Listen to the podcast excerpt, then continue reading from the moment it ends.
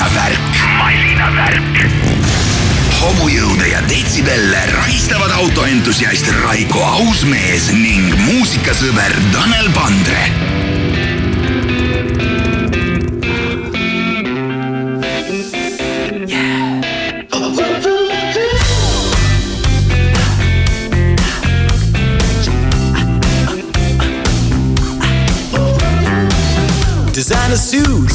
gloves, Chelsea boots. All my demons are cocaine fueled electrical. Sugar tooth, the caramel, silky smooth. Diving into class A's, swimming pools. I sex so good, make the neighbors smoke a cigarette, but I'm still bored to death. Think I'm getting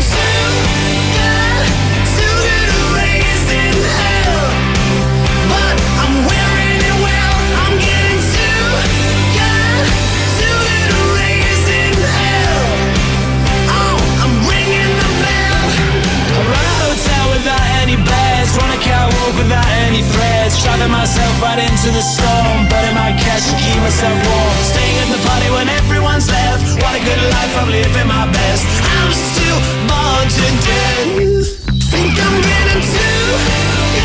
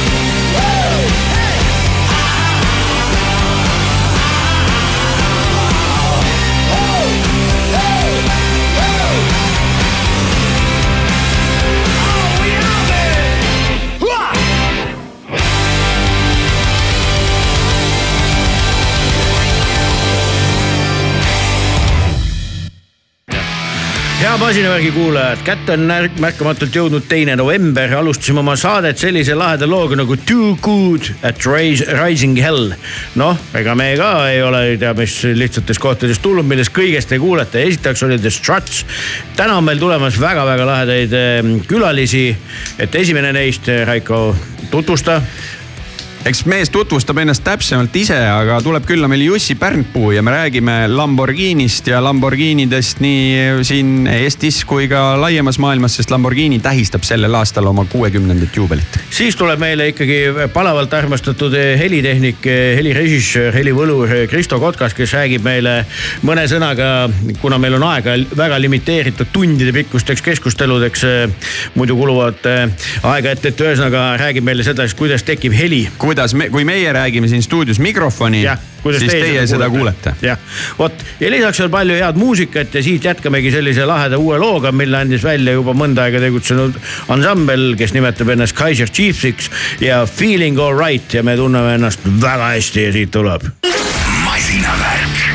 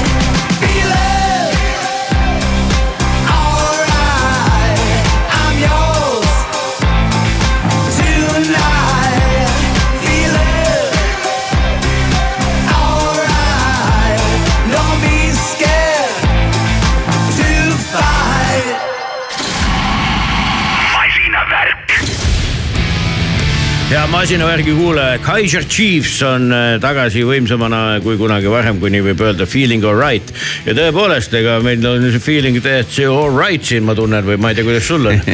et äh, ma näen, et sul ähm, punased põsed pakatavad autospordi uudistest, mida sa tahad välja paisata praegu ja nii, et, et asume siis kuulama, mis siis juhtus kõik siin seal nende, nende päevade jooksul, millal me näinud pole Nende päevade jooksul juhtus see, et maha peeti äh, maailma esimene Kesk-Euroopa ralli, mis siis äh, kujunes sedasi või noh, kujunes, see oli ette teada, et ta niimoodi toimub. Äh, oli ta siis Tšehhi, Austria ja Saksamaa teedel ja mitut riiki on ka ennem kasutatud, mulle meenub kohe siin mingi kümme aastat tagasi oli Poola ja Leedu ühisralli ja ikka, ikka on selliseid asju olnud.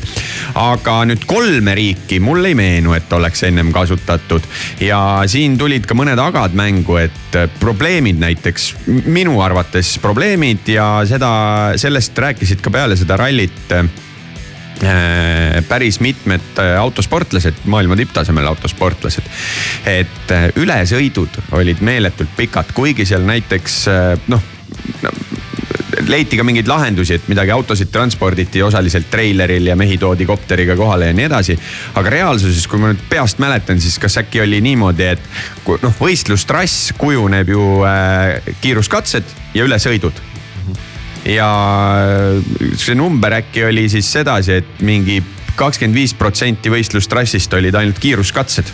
Mm et äh, päris suur osakaal läks ülesõitude peale ja mm, lõpuks, kuna sul on ka kõik uued katsed, siis äh, reke ehk kaardi kirjutamine Äh, röövib meeletult palju aega ka koos nende ülesõitudega ja lõpuks meestel jäi ka unetunde väheseks, et noh, need on siuksed probleemid, mis sul siukse asjadega kaasnevad. eriti kuna vägisi toodi see poodium ja esimesed katsed Prahasse ja see toimus kõik neljapäeval ja tegelikult olid mõned sõitjad ka pettunud, et publikut oli vähe, et Tšehhis tegelikult on ralli publikut, aga võib-olla neljapäev pole see päev, kus inimesed kohale juba tuleks. no ühesõnaga, kas siis üks, ma saan õigesti aru, et põhjustest oligi see, et üritati sihukest tohutut Euroopa Liitu teha, et kõigile jätkuks natukene, aga lihtsalt need kohad olid üksteisest väga kaugel või? no nii ja naa see kaugel on ju, et äh, tegelikult järgmised päevad, kus seal Saksa ja Austria vahet sõideti, see oli kõik okei okay ja kompaktne on ju, aga jah, just see alguse venitamine, tegelikult oli ka liiklusummikutega probleeme, et siinkohal ma kiidan kindlasti Rally Estonia korraldajaid, kus siis on ju, kaasatakse motohunti, kes vajadusel eskordib võistlusautosid no vot, äh, seal sihukest asja ei olnud, et päris mitu videot, kus äh, mehed pidid natukene nagu äh, võistlusautodega siis kuskilt radade vahelt trügima, andma märku, et ma tahaks siit kuidagi ummikust läbi pääseda. kuidas läks Tohi nullautol? Tohi null. mitte, et kuidas seal nagu üldse minna saab, aga noh, et, et aga ikkagi oluline fakt ju. oluline fakt, väga oluline, see, kes ikkagi jälgis kõiki ralli ülekandeid, mida WRC All Live tegi, siis Tohi nullauto pääses ka kõige suuremasse rahvusvahelisse telepilti läbi õnneliku juhuse, kus kommentaator siis Molly Petit tuli, alustas nii-öelda katsetutvustust sellest, et ma proovin siin ühe nullauto ka kätte saada ja juhtumisi tuli Tohi auto. no vot, kuule, siis oli küll ju hästi kulutatud raha ja energia meestele no tahaks niimoodi loota, aga meil oli siin üks huvitav juhtum veel, et kui, no võtame ralli juttu ennem kokku. mis siis eelviimase, selle aasta eelviimase WRC etapiga juhtus, noh? maailmameistri selgus. nii. vaikus. noh noh, absoluutselt õige. siis on? mõtlesin, et tulistan ka vahele midagi. noh, kes siis on maailmameister? üks soomlane. tõsi aga kas sa seda tead, et ka üks norrakas on maailmameister?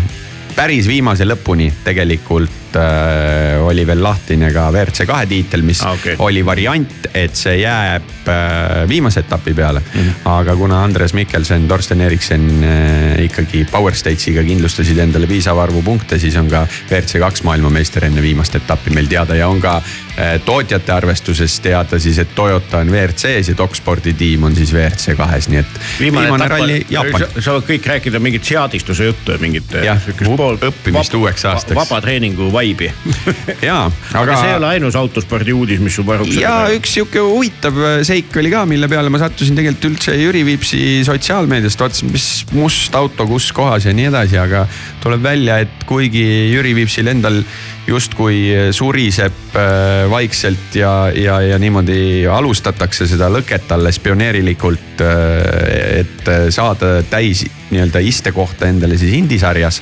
siis mingil põhjusel käis ta testimas Bahreinis F2 autot järgmist siis uut F2 autol tulevad paljud muutused. ühtepidi nagu tundus ju mingi hetk, et kõik selle F1, kaks, kolm, et selle seeriaga on justkui läbi raiutud, aga näed, ei ole. Sina muidugi autospordist ei räägi mina ei räägi autospordist jah, et eh, selle jaoks oled ju sina, kes mulle räägib, mis kõik juhtub, on ju, et siis vaata jääb aega muude asjade jaoks. kuigi eile tundsin ennast tõelise autosportlasena või üleeile täpsemalt, et, eh, et kui sõitsin läbi öise Eesti eh, tagasi, nimelt ei kuskilt mujalt kui Võru linnast, mis ma mõtlesin Võru peale niimoodi, et kui vaata Jõgeval on see mm, mootorratta selline nagu skulptuur on ju seal ühe ringtee peal, mida kõik näevad ja pildistavad, et siis tegelikult Võru võiks teha sama asja ühe ringtee peale, panna basskitarri sest et noh, nii palju nagu nemad on see tegelikult sellele ühele pillile tähelepanu osutanud ja mis ongi nagu äge on ju. igatpidi, et eh, siis tegelikult eh, nüüd siis needsamad bassimehed, eh, täiesti nihuke kelpide klann, nagu võiks öelda, et ehk siis Võru kandle juhataja Heiki Kelp, kes on ka hetero bassimees tegelikult, vana hea Eesti punt Henno Kelp ehk siis Heiki vend, kes on siis Terminaator ja veel paljude bändide bassimees ja siis nende Heiki, Heiki poeg ehk siis Henno vennapoeg Glen, kes siis korraldas täitsa mööda minnes, kes muideks ise mängib ka bassi.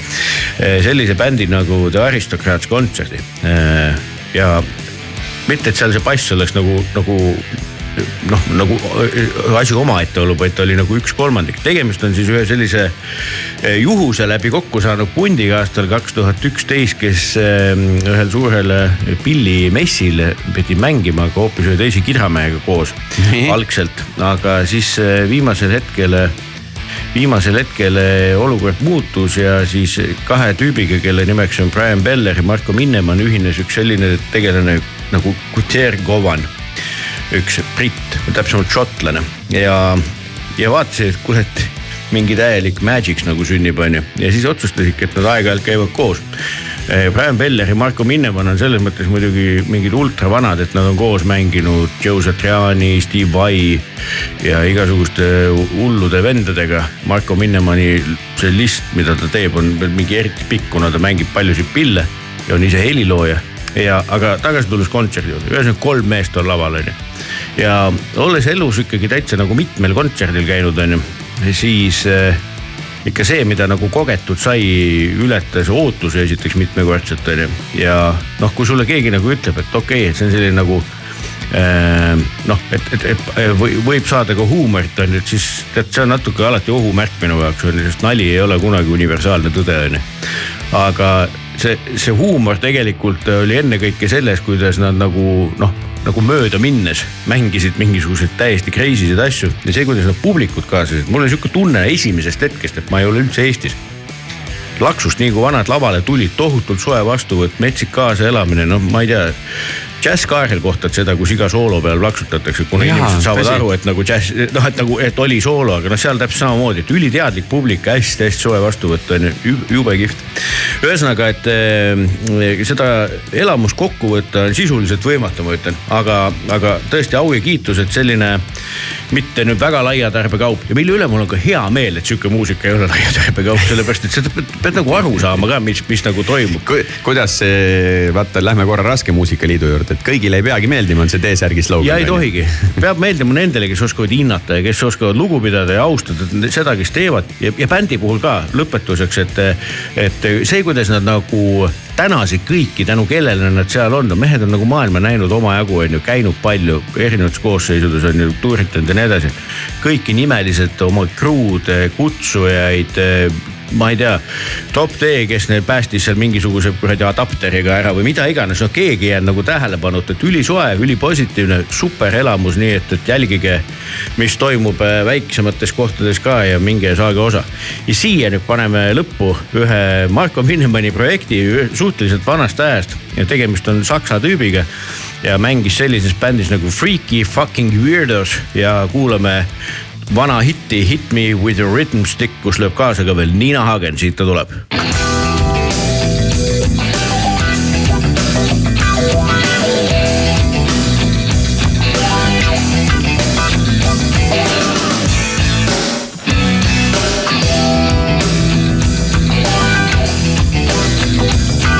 Desert of Sudan. Scientists from my phone, the first gardens Of Japan. And then we not the karate From Milan to good time. Them a run, them a run, them a run. Every woman and every man. I feel nice again. Hit me with your rhythm stick. Hit me, hit me. Then I go see like this. Hit me, hit me,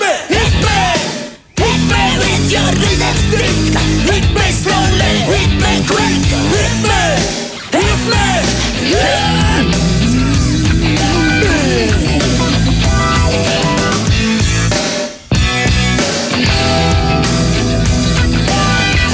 In the walls of Borneo, Them a shake them rump like a pro. the vineyards of Bordeaux, That took a little while ago. Eskimo, follow, check out the move their bodies and fro. Wanna go, wanna go, wanna go. Hit me with your rhythm stick. Hit me, hit me. Das ist Musik, fantastic. Hit me, hit me, hit me. Hit me with your rhythm stick. It's nice to be a tap. Hit me, hit me.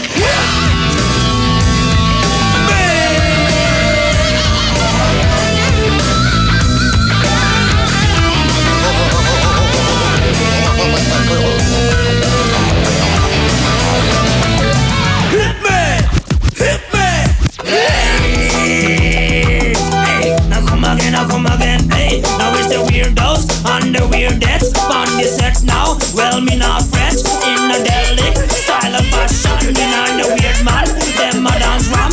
It's the space for the queen down with the big team. Now step up on the scene and rock that shit with me.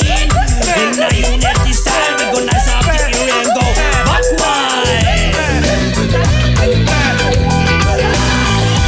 In the dark of Tiger Bay, Them a bubble, them a rock, jump and on the pray. road to Mandalay, Like them got lost in the sway. from Bombay to Santa Fe, a, what a, what a long, long over the way. hills and far away. I'm rocking and I'm mashing to there. Hit me with your rhythm stick. Hit me, hit me. Sexy boy, is that list? Hit me, hit me, hit me. Hit me with your rhythm stick. Do that person click, click, click. Hit me,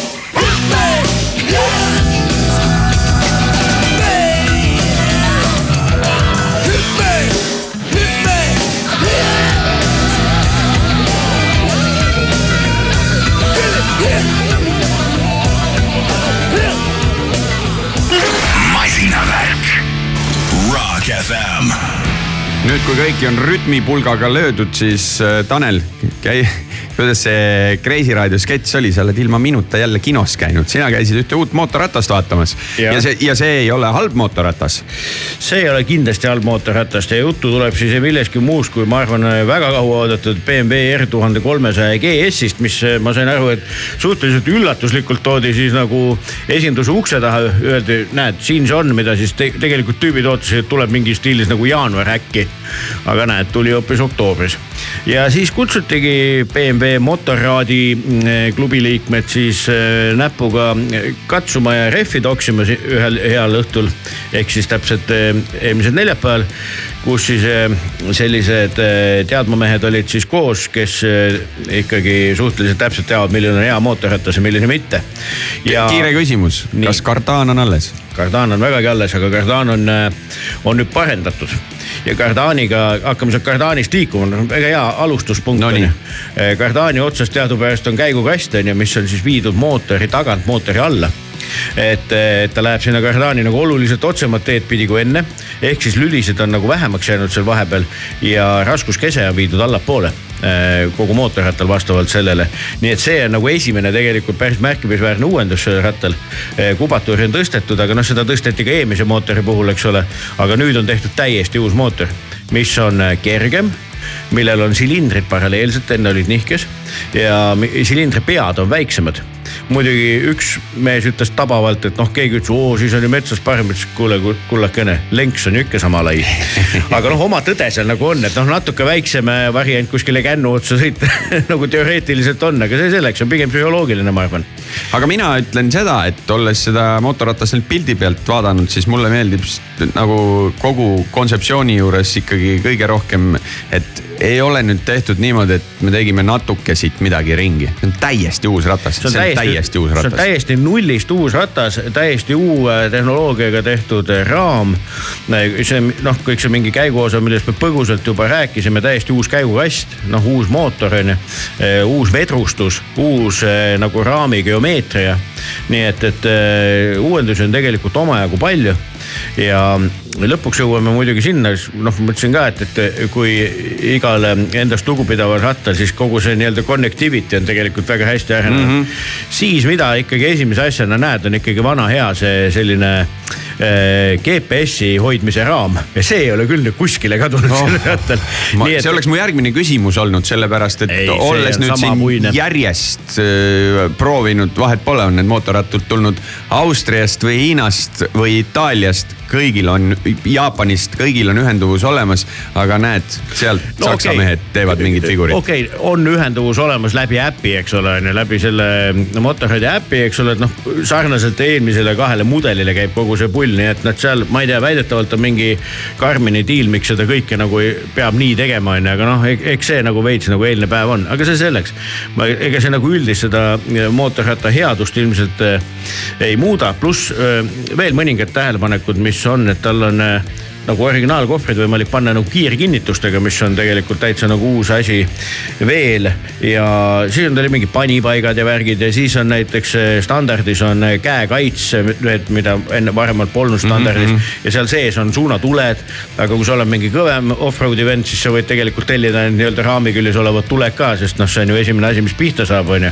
mootoriga tuuleklaasi võid tellida sarnaselt K-seeria näiteks nagu maanteeratastele ja nii edasi nii edasi.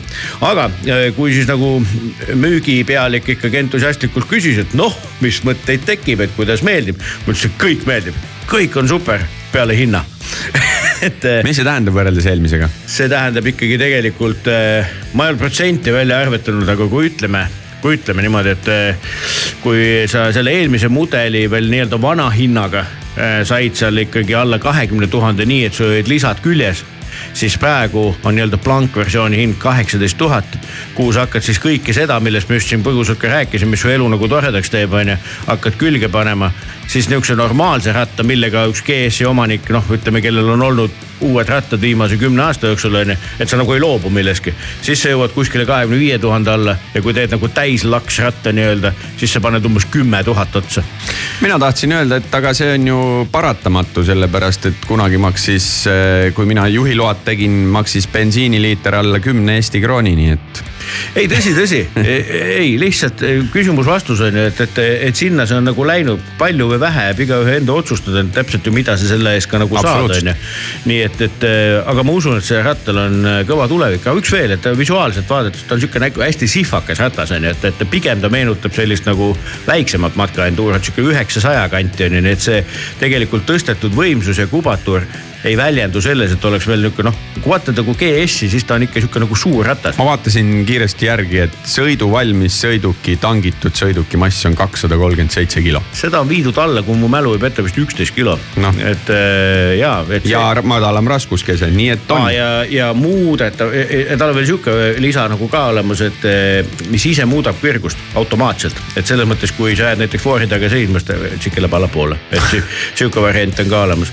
et niisuguseid nagu nutikaid lisasid äh, on, äh, on kõvasti, nii et, et, et ütleme nii, et tegelikult ratast on nagu palju ja, ja mis on jah, täpselt oluline, et ah, pluss veel automaailmast on ju väga palju mis oli võib-olla varem, millega Multistrada tegelikult nagu konkurente lõi, et oli adaptiivne kiirushoidja.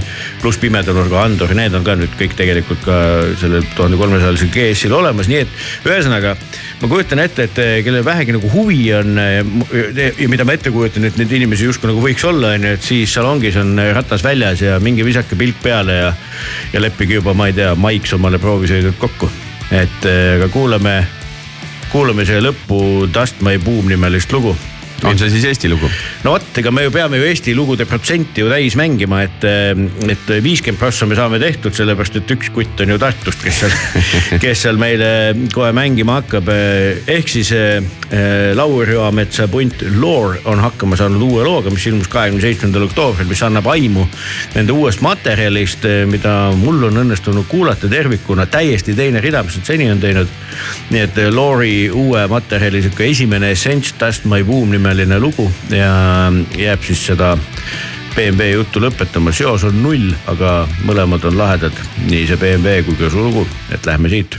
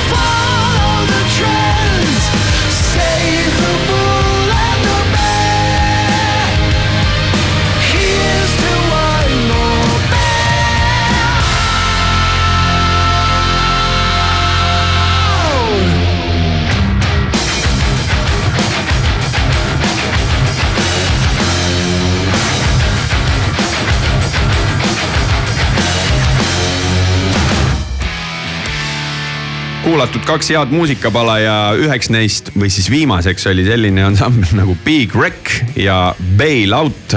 aga me ei, ei hakka rääkima puruks sõidetud autodest, kindlasti mitte. räägime ikka nendest ka. räägime, räägime nendest ka, aga meil on siia mikrofoni ette tirritud sihukene mees, kelle nimi on Jussi Pärnpuu. Jussi, kuidas sind, kuna me hakkame rääkima Lamborghinist ja Lamborghinist Eestis, siis kuidas sind tituleerima peaks või võiks? Mind peaks tituleerima tänases kontekstis äh, Autosada Premium juhatuse liige ehk Autosada Premium on see ettevõte, mis toob Lamborghinit ja Bentley't maale. lihtne ja selge ülevaade me Lamborghini tähistas või noh, tähistab terve selle aasta jooksul tegelikult oma kuuekümnendat äh, sünnipäeva. kui kaua Eestis on Lamborghinisid müüdud? Lamborghiniga me oleme Eestis pusinud alates aastast kaks tuhat seitse. kas see võis siis olla, et Gallardo võis see mudel ja, olla? siis oli Gallardo, siis oli Murcielago. just. ja, ja siis ei olnudki midagi muud ja siis oli erinevaid on-off'e ja siis tuli ka selline auto nagu Reventon mis oli täielik legend ja me olime piisavalt rumalad, et me ei julenud teda osta sest Reventoni hinnaga on juhtunud nii nagu paljude teiste sarnastega on juhtunud tänaseks korda viis kuni seitse.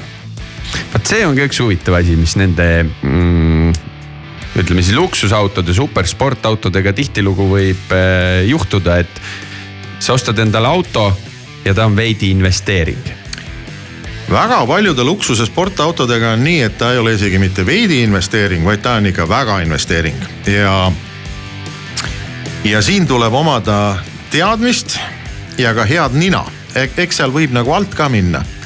aga noh, kui me vaatame meie portfelli peale, siis läbi aegade on olnud nii Lamborghini, osade Bentley'te, väga paljude Porschedega on nii, et ta on ikka väga kõva investeering aga see on ikkagi, sa ütlesid, see, see, see õige muli mu,, mudel, mis sa sealt oma ninaga pead välja tuhlama, sest et äh, ilmselgelt vist äh, sihuke linnamaasturi uruse inimene nagu seda väga investeeringuks pidada ei saa.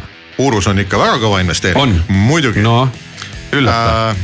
üllatan, et kui võtta uruse hinnakiri ja vaadata, et mis on esimene, kõige odavam kasutatud uurus siis see on hinnakiri pluss viiskümmend tuhat täna.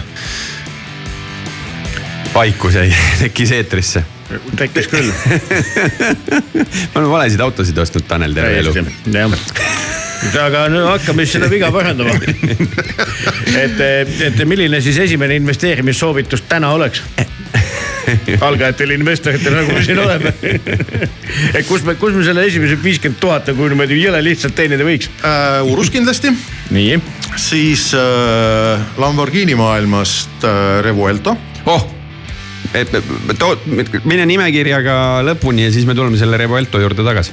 siis äh, soe soovitus on äh, Porsche GT3-d kindlasti. siis on äh, täna oleks soe soovitus äh, Porsche seitsesada kaheksateist.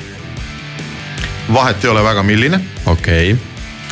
Ja üheksa üks ühed alates GTS-ist, kui investeerida tahate ja siin on, nipet-näpet on, mida teha. tuleme selle Revuelto juurde, sellepärast et äh, tegelikult rääkides natukene Lamborghini mudeli nimedest, siis läbi ajaloo on eelkõige keskendutud. huvitav on see, et tegemist on Itaalia läbilõhki Itaalia brändiga, sest Ferruccio Lamborghini oli härrasmehe nimi, on ju. aga millegipärast ta väga armastab Hispaania võitlushärgasid ja väga-väga paljud mudelinimed ongi mingite kuulsate Hispaania võitlushärgade omad äh, välja arvatud mõned eksemplarid ja üheks selleks on mudel, mis nüüd kas kõige esimene jõuab juba sellel aastal äkki Eesti või uue alguses, aga Revuelto. ja Revuelto tähendab ju ja jällegi hispaania keelest äh, kokku segatud mm. -hmm. sellepärast, et see segab kokku, siis äh, on jäetud juurte juurde, seal on üüratu V12, aga see on esimene hübriidmudel ehk mingi elektrimootor on sinna juurde vändatud. seal on elektrimootor jah, ega mitte ükski autotootja täna ei pääse hübriidindusest ja mis on Revuelto puhul tõesti omapärane, on see, et säilitatud on V12. vabalt hingav. vabalt hingav ja no ja seal on siis üks hübriid kah aga siiski need kaks asja kokku annavad mingisugune tiba tuhat ja peale hobujõudu. ja nad annavad süsteemi võimsuseks eh, tiba, tuhat tiba peale. aga noh, pigem ta ei ole siin, eh, pigem ta ei ole siin nii oluline kogu see süsteemi võimsus, sest ega, ega mis on Revuelto puhul endiselt oluline, on see vabalt hingav eh, V kaksteist, mis on tänases maailmas reminiscents, sellist asja ei tohiks olla ja jah, see hübriid on seal sellepärast, et tegelikult on äh, paljudes Euroopa metropolides on täna seot-, on hulk piiranguid. et sa ei või minna linnakeskustesse. ja, ja, ja noh, sul lihtsalt peab olema see elektrilise liikumise võimekus, kui sa seda autot kasutada tahad. aga, aga ta ei ole selle auto juures määrav aga kui me võtame näiteks sellesama, mis meil täna, meil saab endiselt veel Huracani ju. muidugi, täna ja. saab Huracani väga erinevates versioonides ja Huracani saab ka edasi erinevates versioonides. mida ma olen tähele pannud tänases maailmas üldse, eriti on, eriti puudutab see äh, sport, supersportautosid. nagu meie keeles on ta high luxury segment, on see, et äh, jah, kõik tootjad teatavad, et alates sellest kuupäevast on meil terve elu elektriline. ja siis seda lükatakse edasi ja lükatakse edasi ja pikendatakse ja muditakse. ja tänane kogemus on see, et nii ta ei lähe. olgugi, et meile öeldakse, et nüüd kuupäevast X on meil elektriline Huracan või Huracani järglane. ei tea, näis. aga hetkeseisuga lähed, astud Lamborghini esindusse sisse, siis on meil Huracan, Urus ja nüüd siis Aventador asendub nii-öelda Revueltoga et e, mugavalt on jäädud oma nagu positsiooni juurde, natukene niisugune lahjem auto siis midagi väga üüratut ja siis midagi perele. no täpselt ja, ja mis on, mis on ees ootamas? ma arvan, et Lamborghini üllatab äh, neljaukselise sedaaniga hmm., mis tuleb täiselekter. okei okay aga noh, ka sinna läheb veel, sinna läheb veel aega. ja kui me meenutame aega, kui äh, turule tuli Porsche Panamera, siis tegelikult Lamborghinil oli valmis neljaukseline sedaan. seda on näidatud. ja seda on näidatud, mis oli ülimalt äge auto ja see oli, aga see oli siis äh, kontserni otsus et tegelikult otsustati Panamera kasuks mm. -hmm. me tuleme kohe varsti nende Lamborghini juttude ja, ja ka selle kuuekümnenda juubeli tähistamise juurde, aga me palusime sul valida ühe loo, mida võiks siin äh, mängida ja sa Ramonsi valisid. valisin jah, punk jah minu meelest uh, Ramones haagib uh, Lamborghiniga ülihästi, Lamborghini on oma olemuselt nagu täiesti punk. ei ole maailmas mitte ühtegi võrreldavat autot läbi ajaloo ega ka tänapäeval. ta on, ta on täiesti punk ja, ja ma mõtlesin, et äh, Ramones on ehe kolme tuuri punk nii nagu punk olema peab kuule oota, mul ikka ei anna see rahu, et, et, et, et, et mis see punki definitsioon nagu Lamborghini puhul on, et mul kuidagi üldse ei jookse kokku, et pigem on ju ikkagi mingi, ma ei tea, mingi Monaco ja mingi Riviera ei, ja ei, mingi ei, kõik on mingi, vaat see on see kuvand ju tegelikult, mis ju kipub nagu jääma. aga, aga sihukest tõsist nihukest pungimeest ma nagu ei ole küll sihukese autoga kunagi ringi sõitmas näinud, kes nagu samastaks enda. Nad ei näita välja. võib-olla tõesti, võib-olla tõesti äh,. Monaco ja Riviera on Bentley Ferrari ja Lamborghini, Lamborghinil on olnud palju kliente, keda nad võib-olla ei tahaks endale kliendiks. okei okay.. et äh, Lamborghini soovib sellest imidžist eriti, eriti nüüd Ameerikas ka eemalduda. aga Lamborghini on olnud midagi tumedat, jõhkrat. ta on, ta on oma olemuselt üsna ähvardav ja vaata Lamborghini on täna ainukene auto, mida autopoest osta saab, kuhu sa sisse istud ja sa natuke kardad teda. ja ilmas ei ole ühtegi teist sellist autot. kuule küll, aga me ei karda praegu seda lugu mängida, mis kannab pealkirja Howling at the moon, shalala ja siit ta tuleb.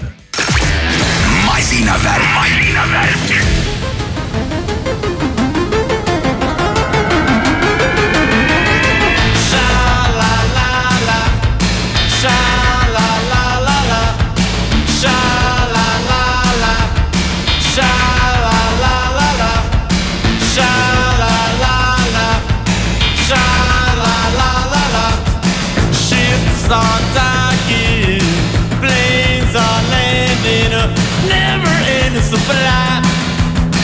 No more no more gangsters, conservatives. I took the law and threw it there's nothing wrong. There's no law, no law anymore. I wanna steal from the rich and give to the poor.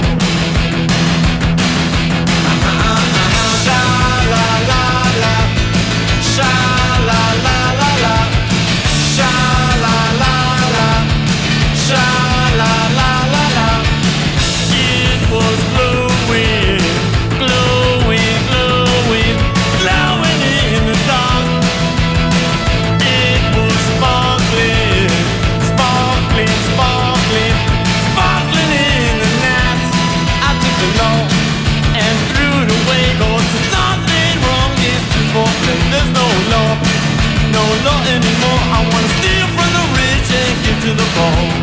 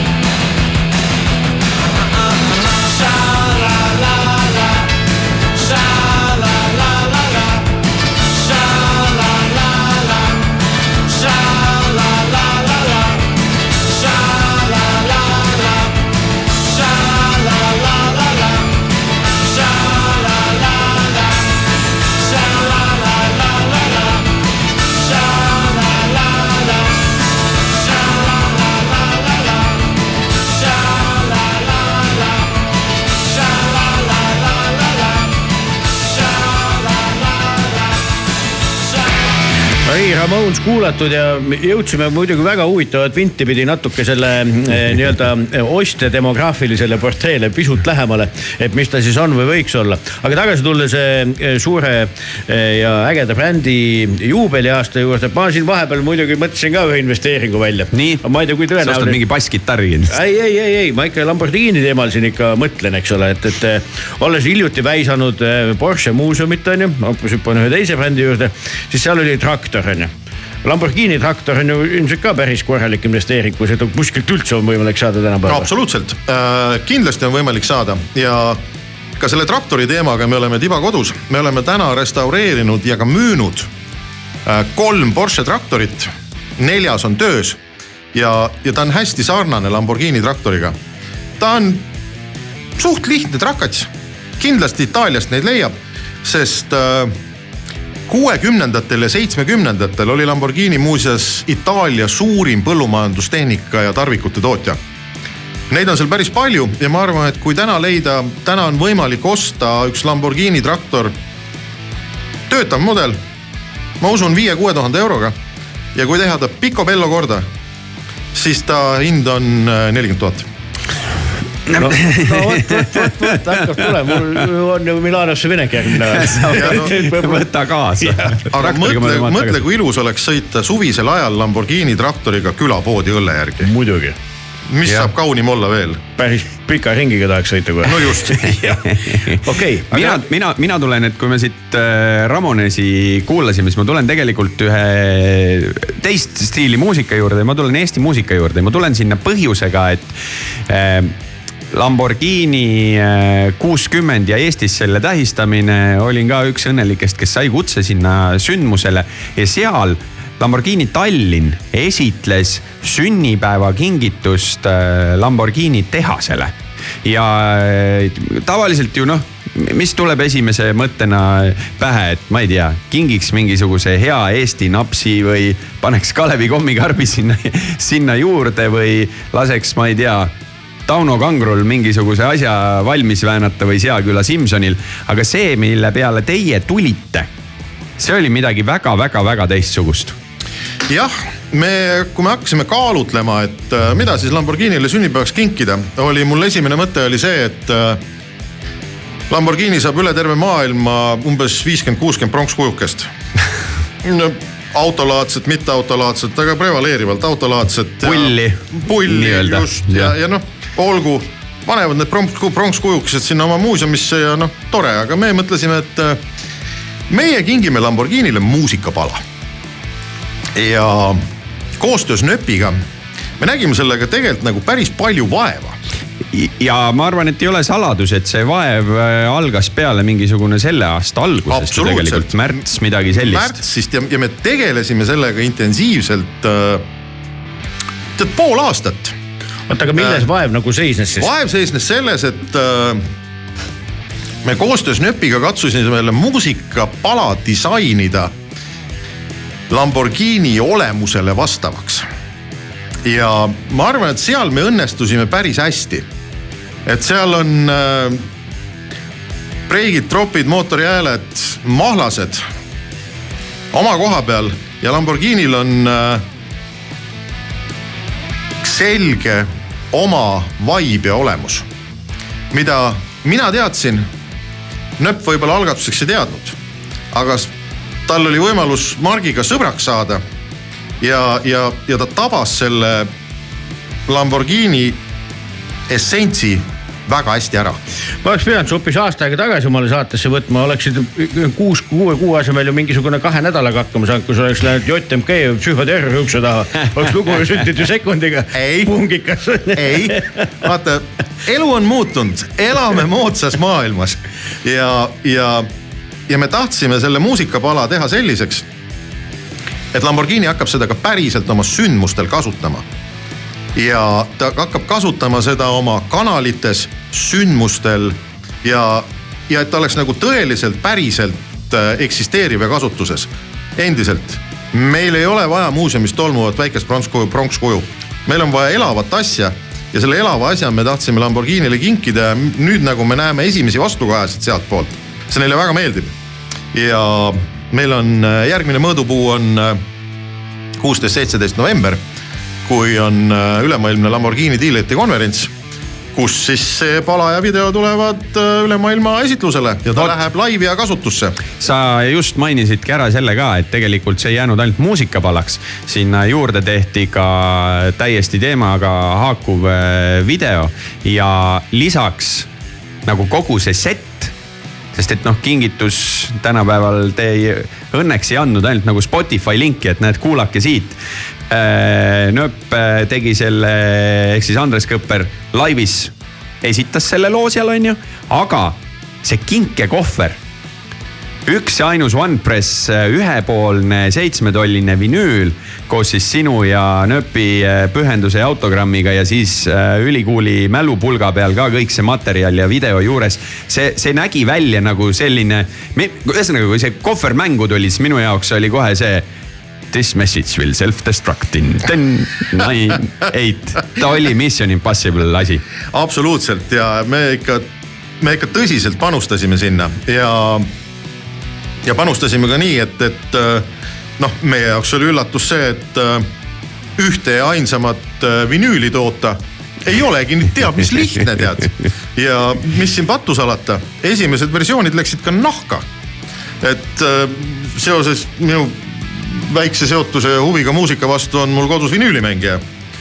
ja ma ikkagi kodus kuulasin viis-kuus vinüüli läbi, enne kui trehvas see, mis oli hea. Just, just, okei okay. äh,, aga kas, kas ma sain õigesti aru, peale seda, kui on siis esitletud seal diilerite päeval, muutub nagu lugu avalikuks? ja muutub lugu avalikuks ja ta läheb. tekkis, siis just, saab kuulata igalt poolt. ja ta läheb ka, ta läheb üles äh, meie Lamborghini Youtube'i kanalisse, ta läheb üles kõikidesse nööpi kanalitesse mm.. Youtube, Spotify, et cetera mm..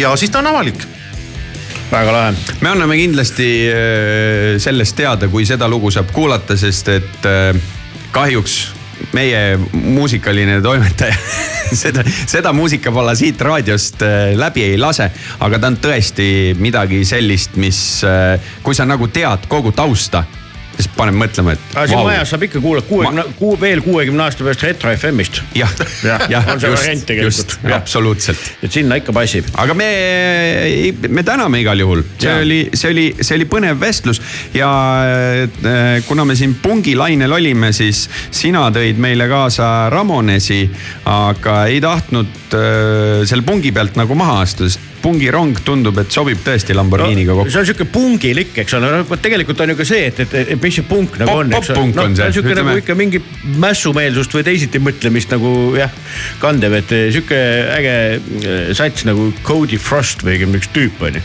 ja ta on kirjutanud sihukese loo, mis kannab pealkirja What et noh, et no vot nii ongi et, et ühesõnaga sellega võikski selle jutu kokku võtta ja suur-suur tänu tulemast ja siis eh, juubilärile ka palju. jah, palju. ja ka mina tänan oma, omalt poolt, samuti ka Lamborghini Tallinn tänab aitäh. masinavärk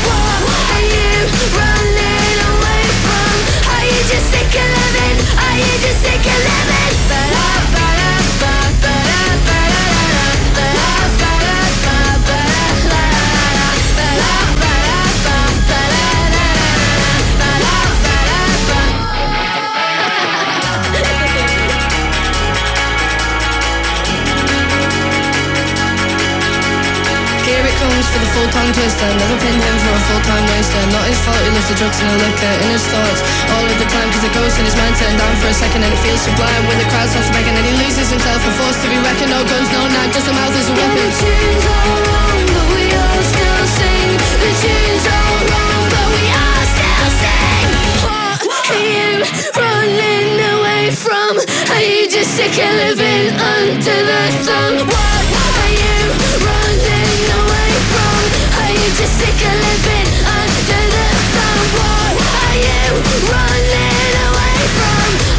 sick of living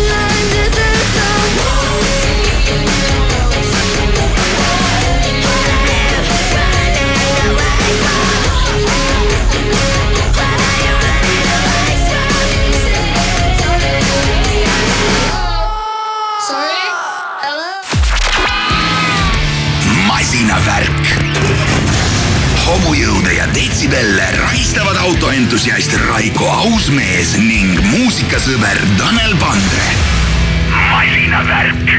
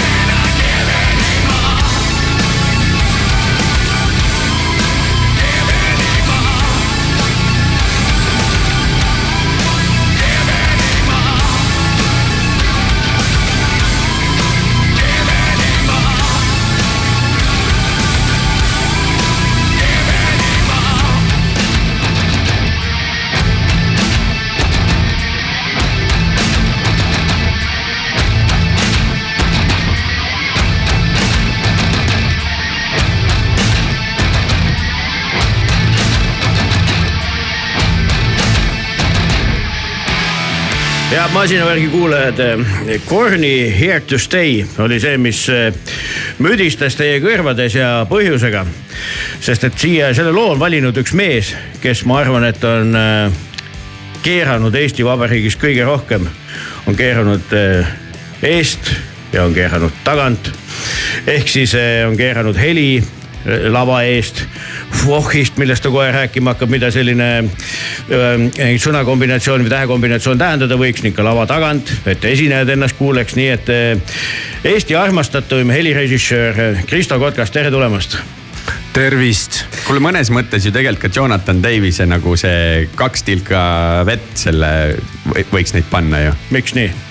No mõtle nüüd Korni laulja peale. ja Kristo Kotkase peale, mina seal küll mingit sarnasust ei näe. ma ei tea. minu meelest see on väga hea paralleel, ma, ma ise praegu tunnen, et äh, see on üks parimaid võrdlusi, mis on no, kunagi olnud.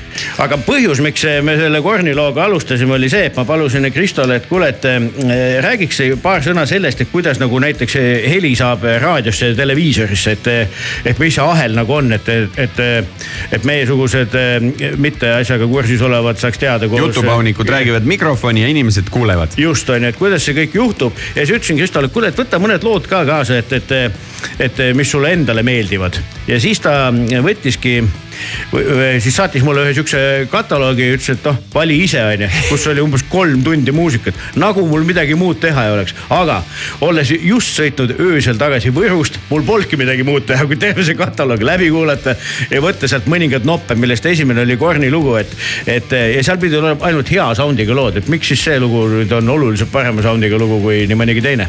aa ei, sa said valesti aru, mul on teine kataloog, kus on hea sound'iga lood.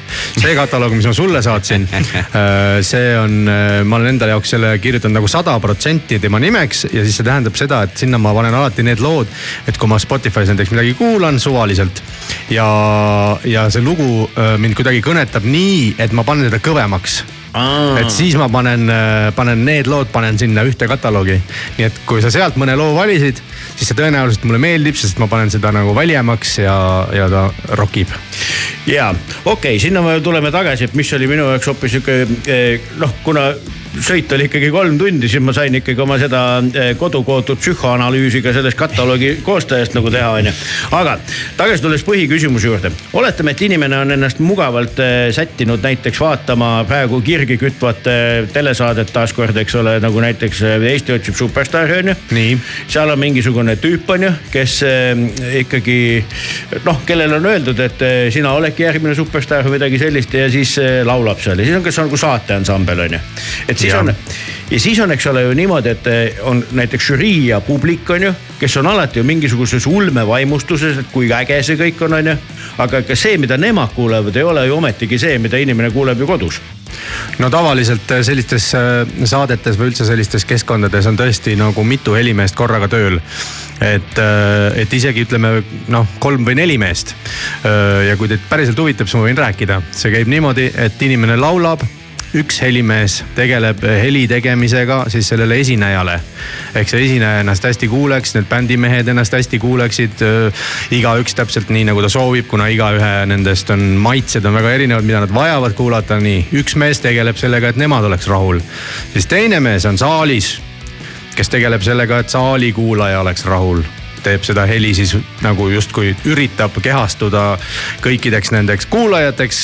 Nende mingi see keskmise kuulaja enda peas valmis mõelda ja siis selle keskmise kuulaja jaoks selle heli kokku äh, mix ida. see on teine mees äh, ja siis kolmas mees on näiteks kuskil hoopis kolmandas või neljandas ruumis, kellel on väikesed kõlarid ja kes siis on televaataja esindaja üritab ümber kehastuda nagu televaatajaks ja teeb selle heli siis televaataja jaoks nagu söödavaks ja neljas mees, kui ma mainisin, et võib-olla on isegi neli. neljas mees on veel üks helimees, kes äh, saab äh, sellelt kolmandalt helimehelt heli, et äh, televaatajale muusikat lasta, aga tema tegeleb veel omakorda ka sellega, et nende noh, nagu sa mainisid seda saadet on ju, seal on žürii ja seal on rahvas ja, ja siis see neljas mees miksib veel selle žürii jutu, saatejuhi jutu siis kolmandalt helimehelt saadud bändi muusika ja, ja rahva aplausi kokku selleks tervikuks, mis jõuab kuulajani see on siis see, mida siis televaataja kodus lõpptulemusena siis kuuleb. ja, ja see, see neljas mees on siis see, kes nagu paneb kõik need väiksed tükid kokku, et päris, päris keeruline, kui, kui hakata mõtlema. vastupidi, väga lihtne. kas, kas kas seal on veel üks mees, et kui näiteks on tegemist otsesaatega, eks ole. mina tahtsin küsida, kas mõni naine ka on? ja, ja on, on, aga et kas, kas seal on, kas ühesõnaga neid tüüpe, kes võivad asja oluliselt paremaks teha või ka totaalselt pekki keerata, on seal ahelas veel? oo oh jaa, selles mõttes, et tegelikult keegi isegi ei tea, kui palju neid on. et äh, tihtipeale noh, mingid äh, minusugused tüübid, kes selliseid saateid näiteks helindavad või värgid. me teeme teatavat ühtemoodi heli nagu valmis, aga kodus kuulame, see kõlab hoopis teistmoodi. ja siis me küsime, et kes seal ahelas veel olid, siis keegi ei tea. sest et äh, tihtipeale see saade läheb suurte kanalite puhul läbi erinevate riikide kus erinevad ahelad on, seda heli nagu pakitakse aina väiksemaks ja väiksemaks noh data mahtu, et, et, et, et odavam oleks, eks ole.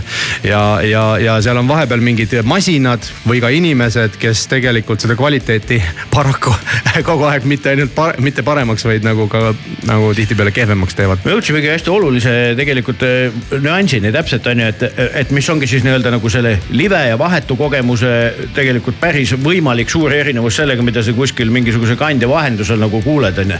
et eh, ja, ja sa nimetasid siin nagu seda pakkimist, et tegelikult ega see, mida see heli muud on, kui põhimõtteliselt üks ju pakitud asi, mis pakitakse kokku ja teisel pool pakitakse lahti tagasi, piltlikult öeldes.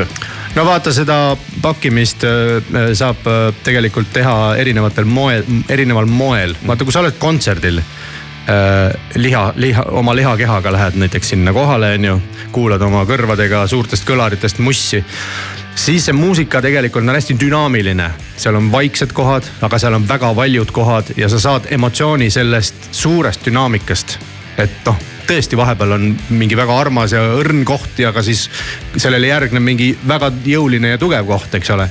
ehk siis, mis seda võimaldab, on suur dünaamika, heli, heli nii-öelda, et on olemas vaikne ja valiheli on ju. aga kui sa telekast kuulad muusikat, siis seal ei ole dünaamikat, seal ei tohi olla dünaamikat, sest et standardid näevad seda ette. see heli peab olema pakitud, ma nimetan nüüd seda sõna pakitud dünaamika mõttes äh, väikeseks. ehk siis seal vaiksel ja valjul helil ei tohi olla vahet ta peab olema kogu aeg ühtlane vorst, on ju. seetõttu sa ütleme, kas plaadi pealt või telekast või kuskilt kuulates ei saa elu sees samasugust äh, fiili või samasugust elamust muusikast, nagu sa saad kontserdil. üks asi, see on siis üks, üks dünaamiline pakkimine. aga teine pakkimine, mida ennem nimetasin, on data mahu pakkimine. see tähendab, et, et, et kui sa tahad nagu head sound'i edasi anda, siis seal peab olema palju infot, et palju datat, on ju et kõik need madalad ja keskmised ja kõrged sagedused jõuaks inimeseni. aga nüüd vahepeal on tegelikult inimesed, kes soovivad seda asja nagu teha ökonoomsemaks majanduslikult ja selle jaoks on vaja seda data mahtu vähendada. nagu me teeme WAV-failist näiteks MP3-e, mis on neli korda väiksem. sama pull juhtub. ehk et ka see, sellel audiol on siis ka ikkagi vahe sees, et kui ma nüüd äh, vaatan telerist nii-öelda tahaks siis öelda, et seda noh antenniga telepilti või telepilti. või siis võtan sellesama mingisuguse saate ja selle kanali äpist. ja, ja need on kõik erinevad failid tegelikult. no vot erineva. ma tahtsin helitugevuse kohta Teleris Aga... öelda ühte asja. et kõik peab olema hästi ühtlane ja siis on reklaamipausid, mis hüppavad kõrva. vot, vot see on ka üks hea küsimus, millega me jätkame peale Just. seda kohe. miks on reklaamid alati valjemad, kui, kui see hästi pakitud ja helindatud. Äh, aga näiteks... mis me siia kuulame? kuulame jälle Kristo sajaprotsendilisest kataloogist äh, sihukest bändi nagu Fast Forward, mis on ju lahe termin tegelikult ju nagu mäletavad need inimesed, kes said ju veel nuppe vajutada. reklaamipauside ajal tahaks ka vajutada. saadki ju tegelikult, sul on on järelvaatamine näiteks ja eh, You, Me at Six, et eh, kas sa oskad selle bändi kohta ka midagi lahedat öelda? mitte midagi. väga hea, kuulame siis, oma kõrv on kuningas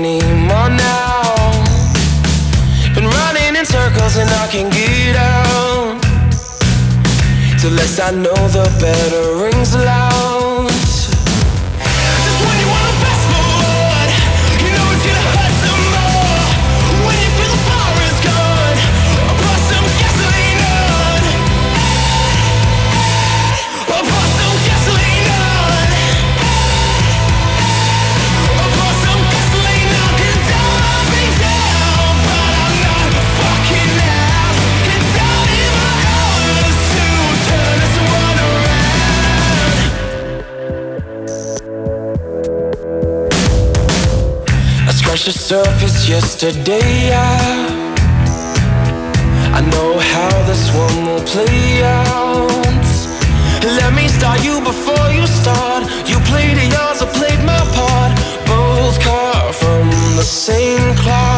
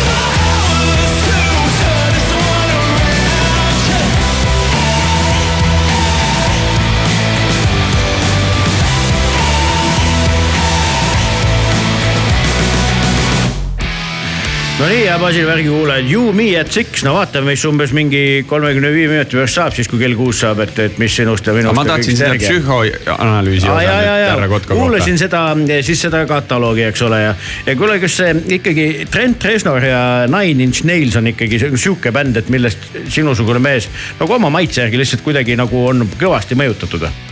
no arvata võib, sest et kunagi mõni, mõni sada aastat tagasi sai seda ikka väga palju kuulatud, et et eks tema looming ja, ja tema see helipilt ja selline asi on mulle siis kuidagi meeldinud võib-olla alati. aga eh, jällegi minu meelest see paralleel tegelikult väga paljude nende puntide vahel, et noh, mis olidki siuksed nine inch nailsilikud on ju, kui nii võib öelda, kus on miksitud siis nihukest elektroonilist stuff'i, võib-olla siukse mingi metalli ja värgiga ja. et siukesed nagu ägedad fusion'id tegelikult on ju, et ja natuke mingeid tumedamaid toone ja karmimaid selliseid elukäsitlusi ja nii edasi, nii edasi on ju. et eh, kas, kas ja kuivõrd ütleme, kui sa nagu teed nagu sound'i, noh, me rääkisime telest nagu põgusalt on ju, kohe räägime ka sellest, miks reklaamid on valjud. aga et, et ütleme, et sa kogu aeg väidad, et sa nagu musa ei kuula, on ju. et kuulasid Nine Inch Nails'i ära ja sellega nagu asi piirdub, mis on sulle selge ju vale, et nagunii ju kuuled, isegi kui ei taha, on ju. et kuivõrd tegelikult nagu helirežissöör paneb nagu oma maitset tegelikult sellesse töösse, mis ta nagu teeb no ma arvan, et äh, professionaalne tüüp peaks suutma seda kuidagi tagasi hoida. et, et noh, mina oma seisukohast arvan, et professionaalne heli, helitehnik, kui ta kedagi teenindab, ehk ta, tal on mingisugune klient, mingi artist näiteks, kellega ta peab tööd tegema või saade või mis iganes. siis ta peab nagu suutma äh, kehastuda selleks kuulajaks et, et noh, näiteks noh, sa ütled, et mul on selline või säär- säärane muusikamaitse, aga täna ma juba mitu aastat olen äh, sihukese artisti nagu Nublu helitehnik on ju. ma nagu igapäevaselt seda musa ei kuula, aga kuna ma olen paar aastat suutnud teda nagu helindada, siis ma arvan, et ma olen enam-vähem normaalselt hakkama saanud kehastudes selliseks noh, Nublu muusika kuulajaks, et olles, olles saalis üritan aru saada, mida ta, mida see kuulaja nagu noh, mis, mis talle meeldib selle artisti juures ja siis seda nagu rõhutada või seda välja tuua et aga no me oleme kõik inimesed, eks ole, et, et ma arvan, et äh, paraku meie maitse, mis, milles iganes me toimetame, ikkagi määrab meie tegevuse ja, ja, ja lihtsalt siis tulebki mingisugune noh hea sihuke kesktee leida oma maitse ja siis selle vahel, mida sa nagu. just ja siit tegelikult rullub lahti, millest võiks ju veel pikalt rääkida, terve erisaate teha, et täpselt, et kust nagu algab nii-öelda produtsendi töö ja lõpeb nagu helirežissööri töö või, ja vastupidi, sest sageli on see ju kaks ühes. sageli on ta hästi rangelt lahus on ju niimoodi, et, et kes sinna lõppkokkuvõttes selle nii-öelda sound'i pildi ju kujundab, on ju üks on ju tehniline töö ja teine on tegelikult see nagu mõttetöö või maitsetöö või kogemuste ja nüüd sa vist hüppasid, noh, mina oma, oma peas mina olin oma peas praegu kontserdi helindamise juures, aga sina vist hüppasid Juba hetkel nagu, salvestuse nagu peale. salvestamise peale. just ja sinna lähmegi tagasi, et, et miks reklaamid on siis valjemad kui seitsmeteistaastane laulja seal ühes saates. no reklaamitootja või noh, see inimene, kes äh, helitehniliselt äh, teeb reklaami, tema põhimõtteliselt üks ja ainus või mitte ainus, aga te- tema üks põhilisi eesmärke ongi see, et see heli saada võimalikult kompresseeritult valjuks. et see reklaam oleks kuulda kõvemini kui teise mehe reklaam loomulikult kanalid tegelikult peaksid seda jälgima ja, ja justkui ühtlustama seda nivood. aga samas me peame, me ei tohi ära unustada, et, et need reklaamid on reaalselt need asjad, mis toovad kanalile tulu ja kasumit. ja need on noh, need on ostetud sinna kanalisse, inimesed on maksnud selle eest, et need reklaamid käiks. ja ma ei tea, noh, see on minu isiklik lihtsalt täiesti selline nagu noh, subjektiivne arvamus, et, et võib-olla kanalid natuke vaatavad läbi sõrmede sellele, kui mõni reklaam on natukene valjemini tehtud, kui ta tegelikult peaks olema, on ju. ja, ja lastakse ta sellegipoolest eetrisse ja ma ütlen, et ega kunagi nagu ei ole eh, mingi kontserdi eh, heli eh, miksimise ainus eesmärk, et oleks hästi vali on ju, ta peabki olema ka, ka telekas ju dünaamiline ja meeldiv kuulata. aga kuna selle reklaami tegemine, see on reklaam kümme sekundit ja see võib olla korraks nagu meeletult vastikult vali, noh siis seda võimalust kasutatakse ja no nii ongi noh kuna meie aeg ei ole nagu äh, lõputu, siis ma küsin ühe sihukese küsimuse, millele on äh, sisuliselt äh, võimalik väga pikalt vastata, onju. aga ikkagi, et mis defineerib sinu jaoks konkreetselt nagu hea sound'i? sa mõtled plaadi peal või kontserdil no,? Need on nagu täitsa erinevad asjad. tõsi, okei okay,, aga löömegi lahku, et, et salvestatud muusika puhul. Äh, ma ei tea, ma ütlen, nagu me ennem rääkisime ka, et ma, ma kuulangi muusikat nüüd viimasel ajal niimoodi, et ma tegelikult ei süvene üldse artisti ja ma ei sü- süvene loosse, ma panen Spotify lihtsalt random'ilt käima ja sealt hakkavad mõnikord mingid lahedad lood äh, tulema. ja ma ei tea, minu jaoks midagi klikib kohe nagu kui mingi lugu läheb käima, seal on tihtipeale võib-olla ainult üks mingi sound, aga see on kuidagi huvitavalt äh, või see meeloodia käik või see riff või asi nagu hukk öeldakse inglise keeles on ju, see konks võtab mu kohe taha ja siis ma tihtipeale avastan, et terve see lugu on nagu kuidagi äge. ja, ja, ja siis ta mulle meeldib siis ma panen ta sinna kataloogi, kus ma teda tahan jälle kuulata. et äh, ma ei oska sulle selgitada. aga laivil? aga, aga laivil äh, ei tohi mul olla saalis paha Mm -hmm. ütleme, et kui ma lähen nagu ise kontserti kuulama, siis minu jaoks defineerib hea sound'i minu meelest see, et kui, kui mul on hea olla saalis ehk et ta ei ole liiga vaikne. niimoodi, et noh, ma ei saa midagi aru, on ju või, ja siis ta ei ole ka liiga vali, et mul on nagu kõrvadel valus on ju, et, et oleks sihuke mõnus, arusaadav, tekst oleks arusaadav, pillid oleks eristatavad, see on minu meelest hea. mina Kristo Kotka kiituseks, olles temaga ka mõned kontserdid elus teinud, ütlen seda, et ja salvestanud ka mõned lood. et tema üks eh, tohutu pluss ja eesmärk on see, et sõnadest oleks aru saada. mis omakorda viib meid ikkagi sinna, et kus sagedused ja kõik muu taoline, mis on väga pikk jutt on ju. et ikkagi oleks väga selgelt nagu lahus, et sa saaks nagu aru, et mida, millest sul üldse nagu rääkima tuldi. et, et ma ei tea. ja, ja ongi tegelikult, kui Kristo mainis, et saalis nii-öelda paha kuulajana, siis mi- mina oskangi kõige rohkem väljendada seda, et minu paha hakkab sellest, kui isegi kui mul on see tuttav lugu, mille lüürikat ma tean, et no kurat, ma ei saa aru, noh mingid noh, pudru tuleb selle vokaali mõistes. Ja see sõnadest arusaamine nii-öelda kuulajana, et saalis kogemine ehk siis mi- mitte arusaamine sellest laulu tähendusest, vaid sellest, et mis sealt lavalt tuleb sinuni, siis eh, see näiteks defineerib minul tõesti seda kontsertkogemust. no vot, see on tegelikult veidikene sihuke, ma ei tea, võib-olla mõnes muus riigis ka, aga, aga mul on sihuke mulje jäänud, et see on vist vähestes riikides suur probleem. aga et meie eestlastena tahame kuidagi väga selgelt seda teksti kuulda ja kui me Eesti, Eesti muusikat ka stuudios miksime, siis me nagu miksime selle vokaali nagu eriti ette. sest et niipea kui inimene peab natukene pingutama, et midagi aru saada, siis ta kohe hakkab vinguma, et ta ei kuule, on ju. et, et see on kuidagi nagu Eesti omapära, kui sa võtad sellesama mingi Korni või mingisugused USA bändid ja kuulad nende mussi ja hakkad nagu süvenema sellesse, kui ees neil see vokaal on, eriti rokkmuusika puhul, siis tegelikult ei ole. tihtipeale ta on väga sees ja mõnikord on kontserditel lausa väga häirivalt sees, noh, ongi noh. ma olen käinud siin küll ja veel vaatamas USA bände Eestis on ju, kelle noh, jääb mulje, et nagu mikrofon ei töötagi. ja vaatad helimehele otsa, ta on väga rahuloleva näoga ise, on ju. et äh, mul on kolleegid olnud siin helitehnikud, kes teenindavad neid välismaa bände. ja kes on lausa omavahelistes vestlustes öelnud, et nad on mõnikord ise ütelnud kohal nendele Ameerika helimeestele, et kuule, et meil Eestis on sihuke rahvas, kes tahab päris hästi laulu kuulda, et. et sa võid seda natukene võib-olla valjemaks panna, kui sa tavaliselt paned. ja, ja mõned mehed on öelnud, ahah, okei okay,, davai, pane kõlab küll üllatavalt. kuule eh,, ma ütlen, et kahjuks meil see aeg ikkagi halastamatult eh, siin teeb oma tööd, on ju. aga tead, mida me saaks teha või? me saaksime ju panna faili kiiremini käima, ehk siis sedapidi kompressida seda asja absoluutselt aga kuidas ikkagi eh, tipphelimees ennast ise nagu kompressioonist nagu vabastab ja kuidas sa lõigastud, kas ikka mootorrattas on sul ikka aukohal või? kuule ja mõned aastad ma olen käinud nüüd äh,, äh, alguses kohe hakkasin metsas käima sõitmas mootorrattaga ja siis äh,, siis sain aru, et aga tänava peal saab ka ju sõita ja siis ma olen tänava peal ka sõitnud mootorrattaga. kas ikkagi on äh, märksõnad on six days ja X teabel või? endiselt ja mul on sihuke tunne, et ega ma neid vist äh, maha ei müügi ära müü muidugi, sest see on mõnus lõõgastus ja, ja see väljendub ju kõik suurepärases sound'is, kui inimene on puhanud, rõõmus, enesekindel, üldse nihuke nagu tore tüüp on ju, et ma arvan, see noh minge Nublu kontserdile, saate aru, mis toimub, see on kõik selle, see on kõik tsiklisõidu teene, ma ütlen Pal. paljuski. kuule, siin ütleme puhkusele juba jutt läks ja siis leidsin ka veel ühe laheda loo, puhtalt pealkirja pärast valitud. et kõik on ju siin tulnud koolivaheajalt ja hästi puhanud ja kõik Last Resort and Spa on selle loo pealkiri ja sihuke pull esineja, mida mina näiteks ei teadnud enne. ja nüüd tean tänu sinule on Battle Tapes, et kõlab üle ägedalt et minu meelest sobib väga hästi siia siukse nagu puhkuse noodiga see jutt lõpetada, et eh, suur tänu tulemast ma ei tea, mul tekkis küll neid küsimusi nagu mitme saate jagu veel. jah, juurde tekkis. tekkis, tekkis, nii et kordame pidu, kui sa nõus oled. absoluutselt, tänan kutsumast.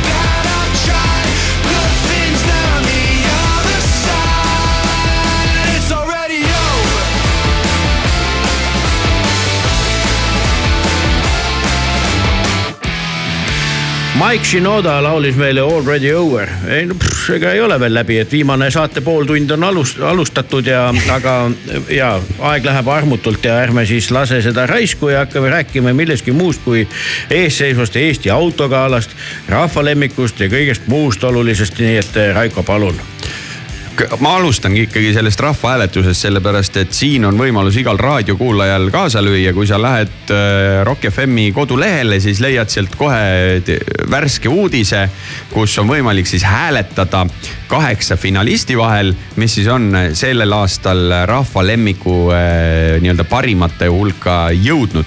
ja nendeks autodeks on BMW seitsmes seeria või siis ka elektriline i7.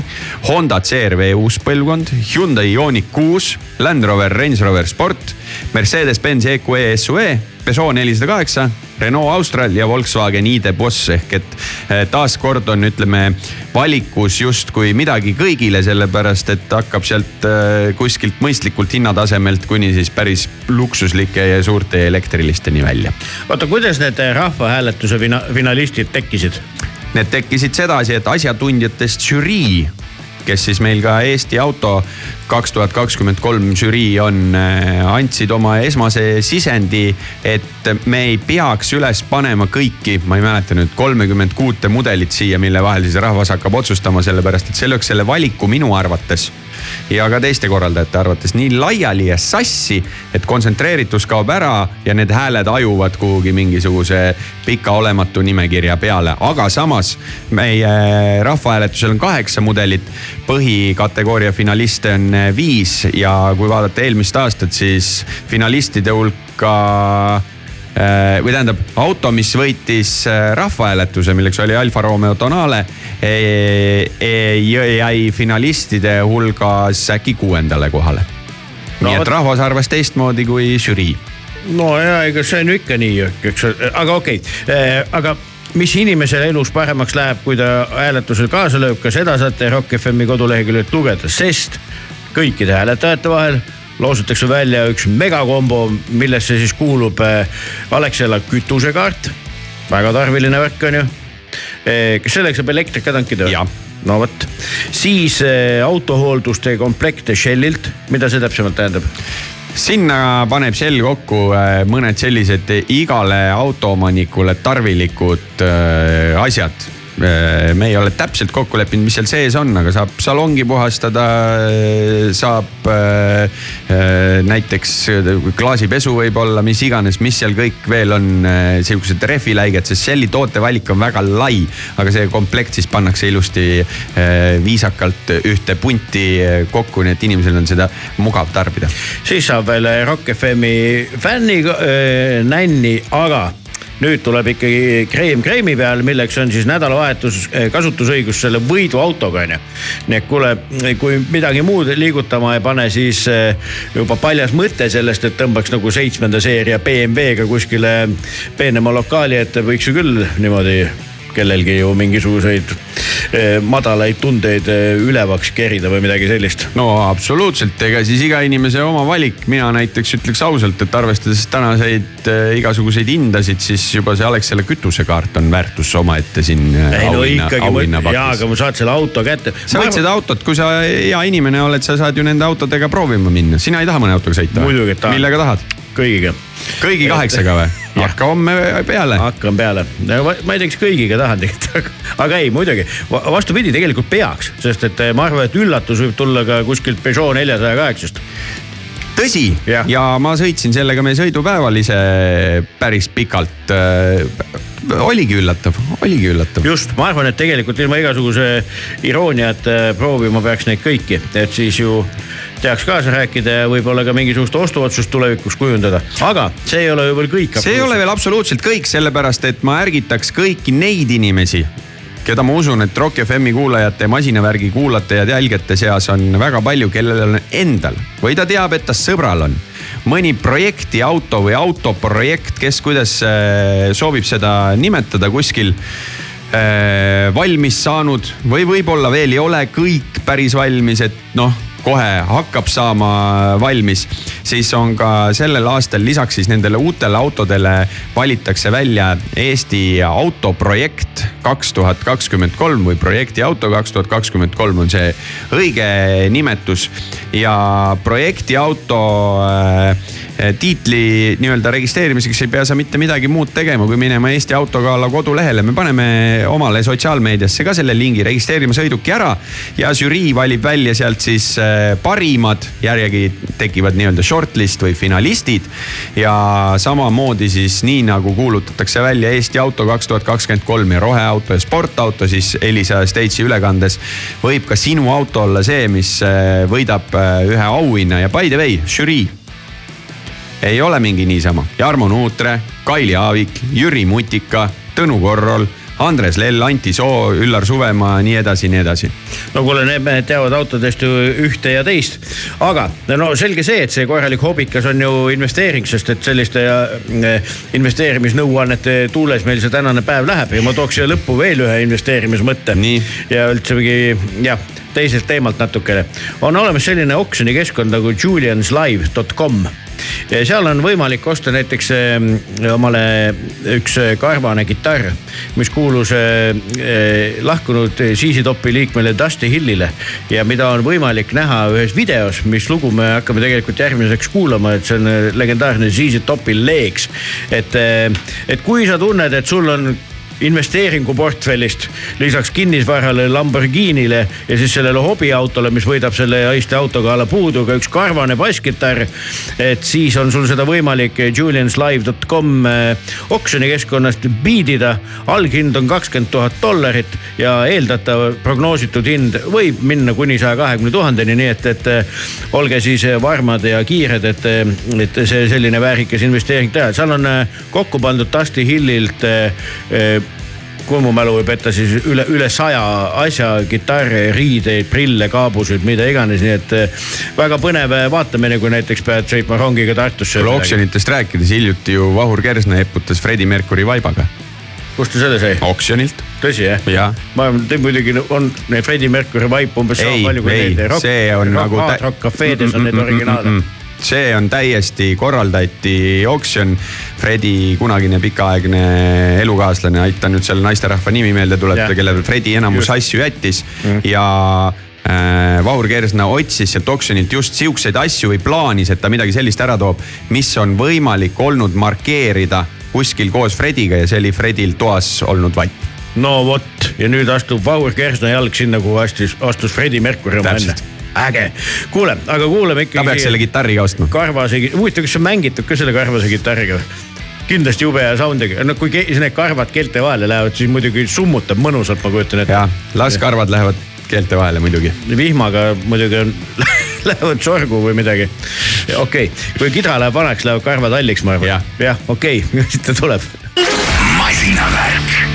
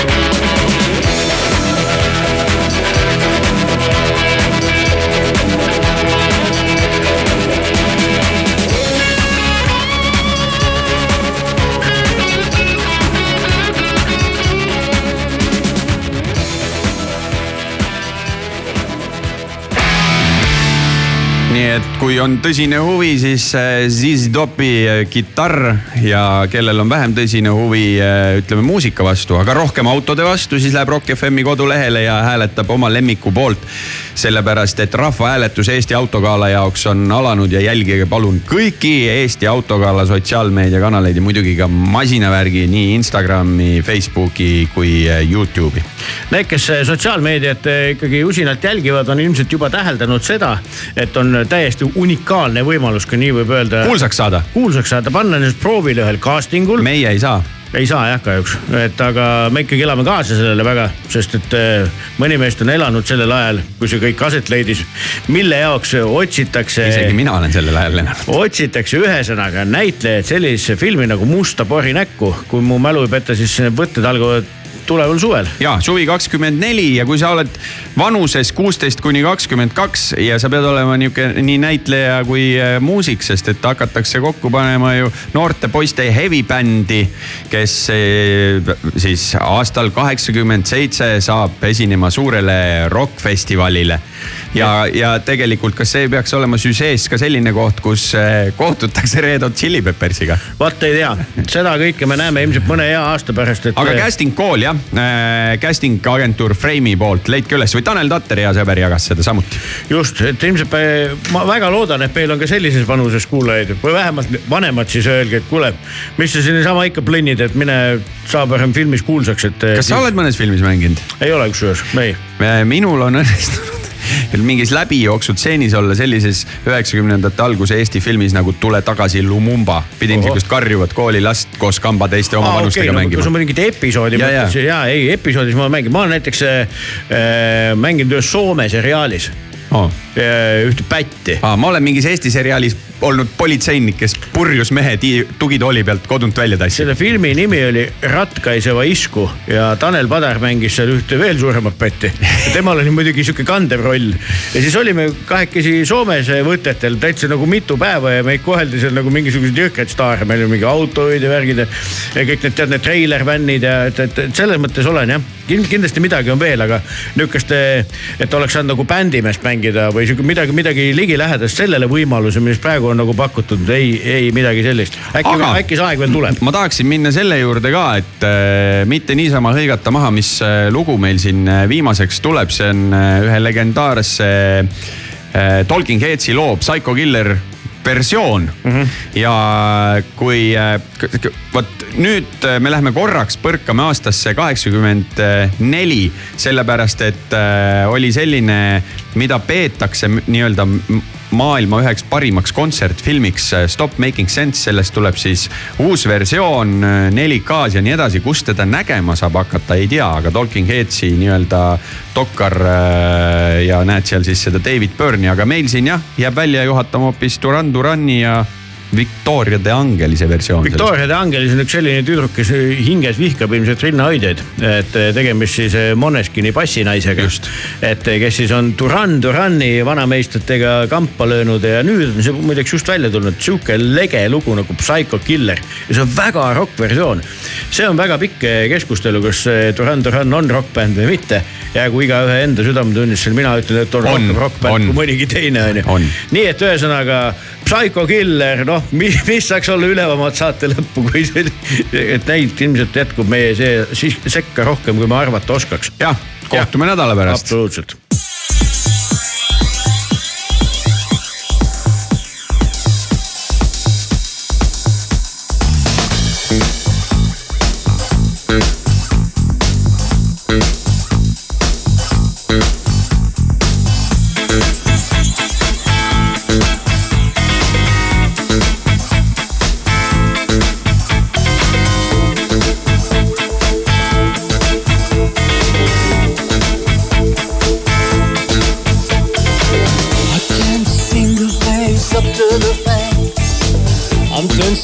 I can't relax.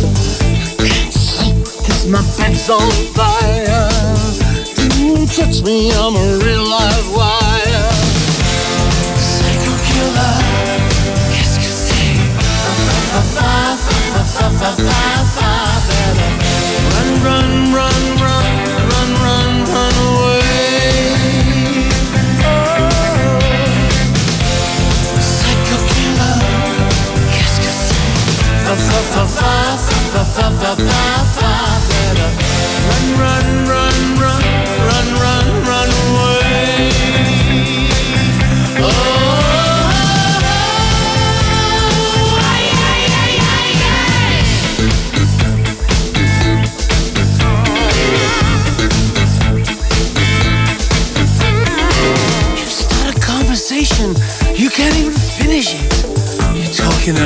but you're not saying anything. When I have nothing to say, my lips are sealed. Say something once, why say it again? Psycho killer, qu'est-ce que c'est?